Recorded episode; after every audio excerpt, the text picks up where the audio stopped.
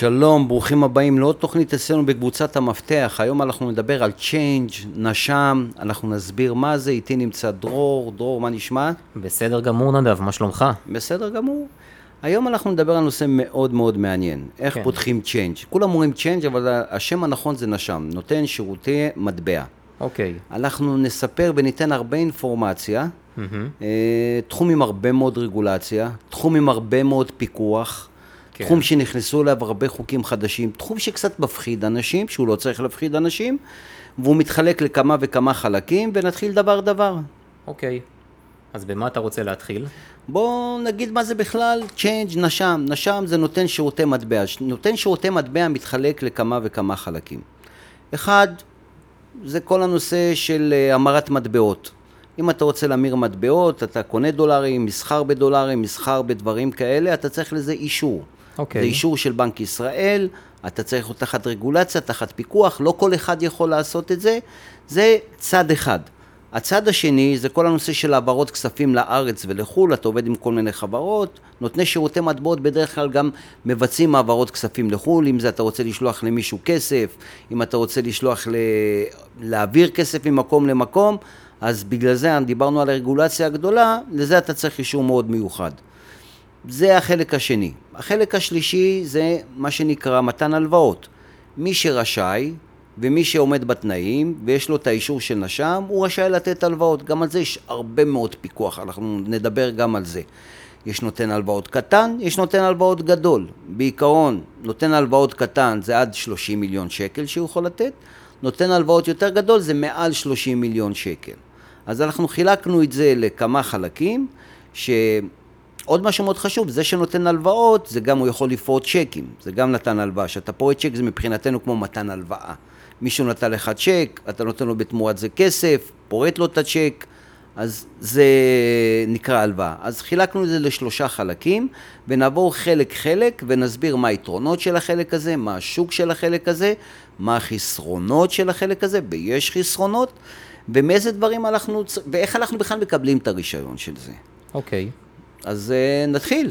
אז החלטנו שאנחנו רוצים לפתוח uh, נש"ם, והחלטנו גם בנש"ם מה אנחנו בדיוק רוצים לעשות. אנחנו ניקח את הדבר הראשון שאנחנו רוצים uh, חברה או עסק להמרת מטבע חוץ ומסחר במטבע חוץ.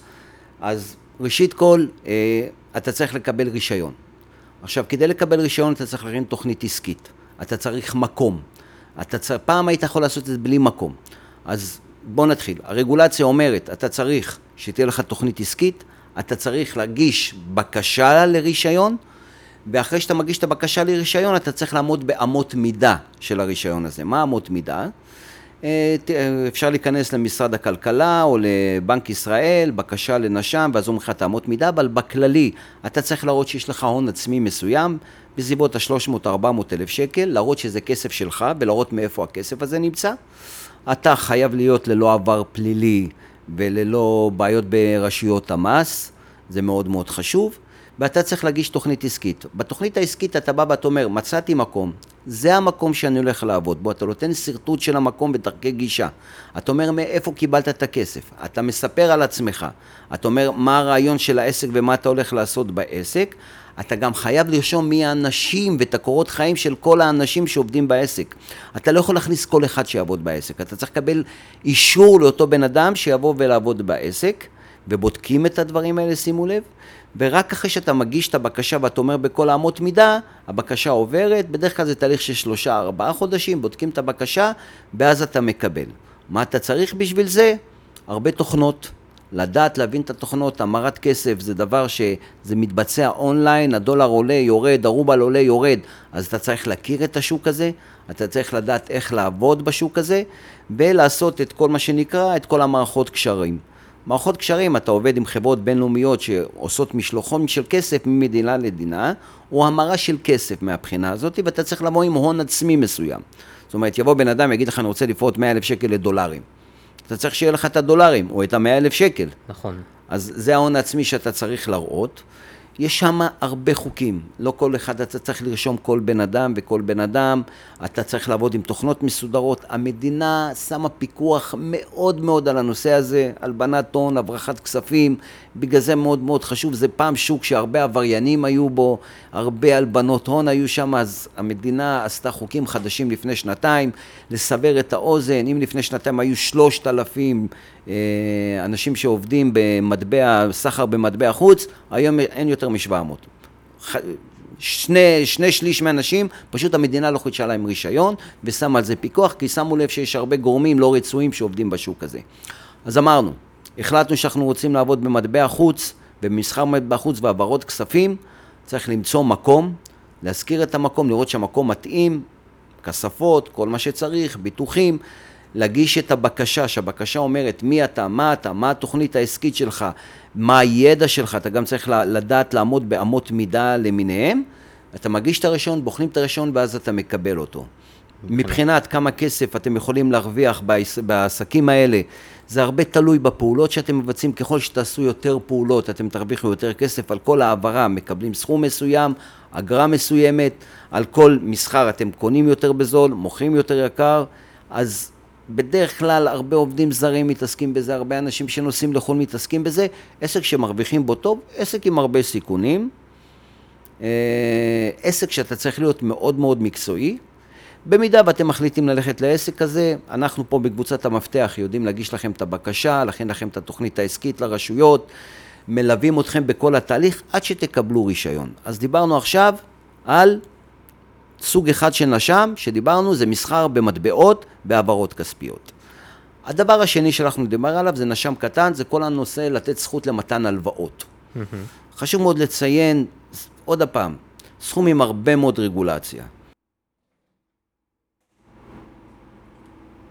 אתה יכול להתחיל. ודרישות. אז יש שלושה דרישות עיקריות. אה, דרישה ראשונה זה גביית ההון העצמי המינימלי, mm-hmm. כמה אתה צריך להראות שיש לך כסף.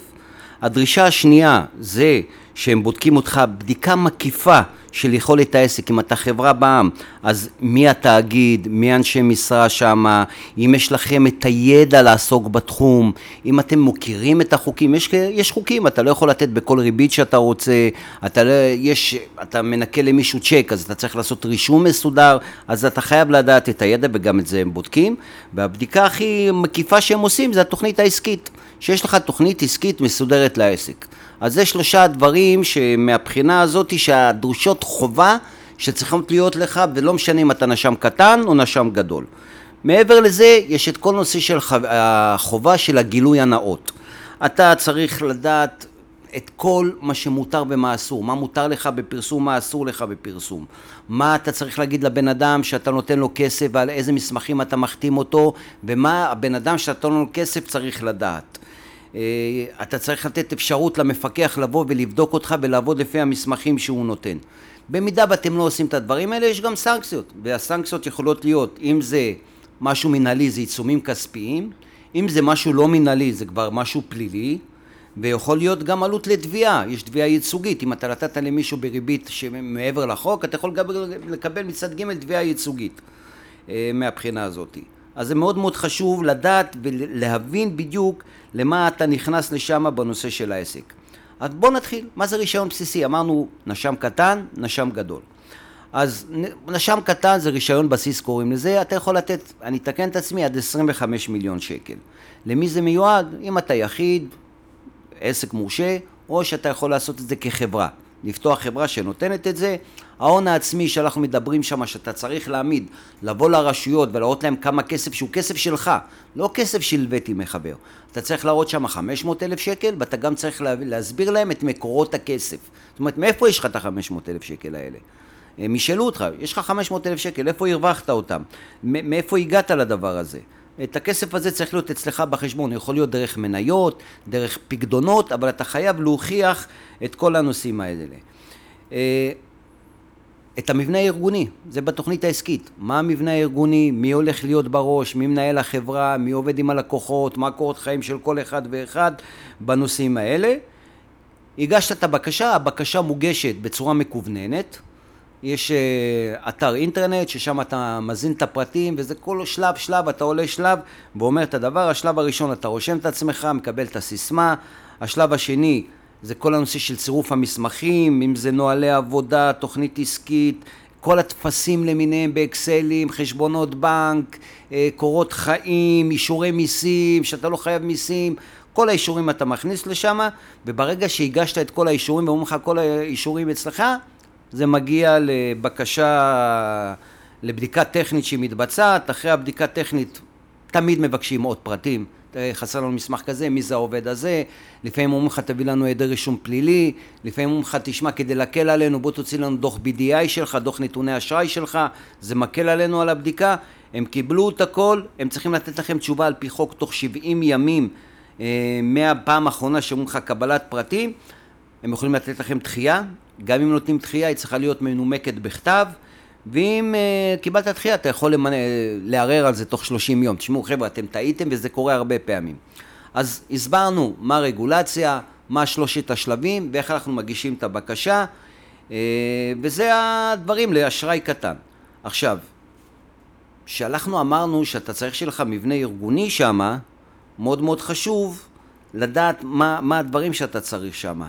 אז uh, מה הוא כולל, ואנחנו נתחיל בזה. אז אמרנו מבנה ארגוני, אמרנו שאתה יודע את כל הנהלים ואת כל החוקים של הריביות, אתה יודע את כל החוקים של הלבנת הון, למי אתה יכול, זאת אומרת אם בא לך בן אדם ורוצה כסף, אתה צריך לדעת לזהות אותו עם הדרכון שלו ועם הטלפון שלו ועם התעודת זהות שלו, אז זה נהלים שהמדינה קבעה איך לעשות את זה כל הנושא של מדיניות של פרט, אתה מקבל הרבה פרטים לאנשים, זה כמו שבבנק אתה לא יכול לשאול על כל אחד, אתה כמו בנק קטן כזה.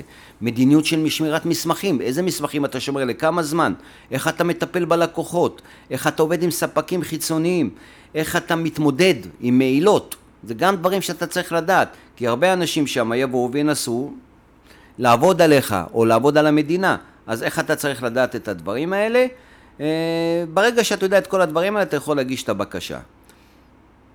אנחנו דיברנו מה ההבדל בין זה לבין בקשה יותר גדולה, אז לנושא של הבקשה יותר גדולה, זה אותו דבר.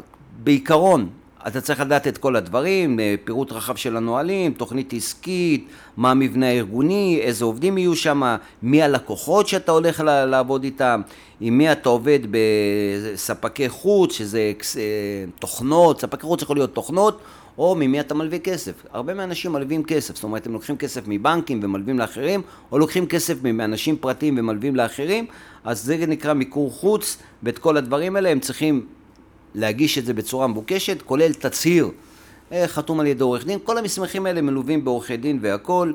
אה, בדרך כלל תבוא אלינו לקבוצת המפתח, אז אנחנו נלווה אתכם בין הכנת המסמכים, לליווי של התוכנית העסקית, כתיבת הנהלים ועם הבקשה של הרישיון. ברגע שאנחנו החלטנו ללכת עם מלווה יותר גדול, אז כמובן זה אותם נהלים, רק את ההון העצמי שאתם צריכים להעמיד שם, הוא יהיה הרבה יותר גדול, זה יכול להיות ממיליון עד חמש מיליון, תלוי מהסדר גודל שאתם מתחילים לעבוד. אה, כמו שאמרתי, מעבר לכל זה, אם שכחתי לספר, אתם צריכים שיהיה לכם מקום פיזי ולהגיד מה הכתובת של המקום, פעם היית יכול לפתוח את זה בבית, וירטואלי, היום זה כבר לא ייתנו לך אישור לווירטואלי, אה, תוכנית אדריכלית של המקום, אה, נגישות של המקום. אני ראיתי אנשים שפסלו להם בקשה על זה שלא היה להם שירותי נכים. זאת אומרת, קחו בחשבון, קחו גוף מלווה אתכם מההתחלה ועד הסוף.